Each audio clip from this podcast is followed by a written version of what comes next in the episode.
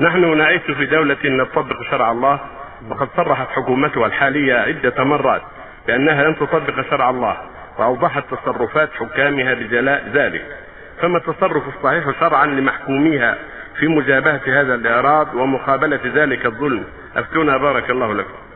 على علمائها وعلى أعيانها أن يناصحوا ولاة الأمور وأن يتصلوا بهم ويخبروهم بعظم الأمر ووجوب تحكيم الشريعة.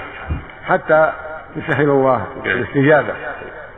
أما ما يفعله بعض الناس من الاغتيالات والقتل هذا ما له أصل وله بحل ليس بحل شرعي. إنما يجب على العلماء والأعيان ونحو ذلك من ممن له يعني آثر في اتصاله بولاة الأمور نصيحة وتوجيها وإرشادا هذا هو الطريق السليم. أما إذا كان هناك دولة كبيرة تستطيع أن تعزل هذا وتنصب هذا وجب عليها ذلك. الجلاء انهم لن الله انصح ولو انصح ولو حتى تموت على النصح حتى تموت ويموتوا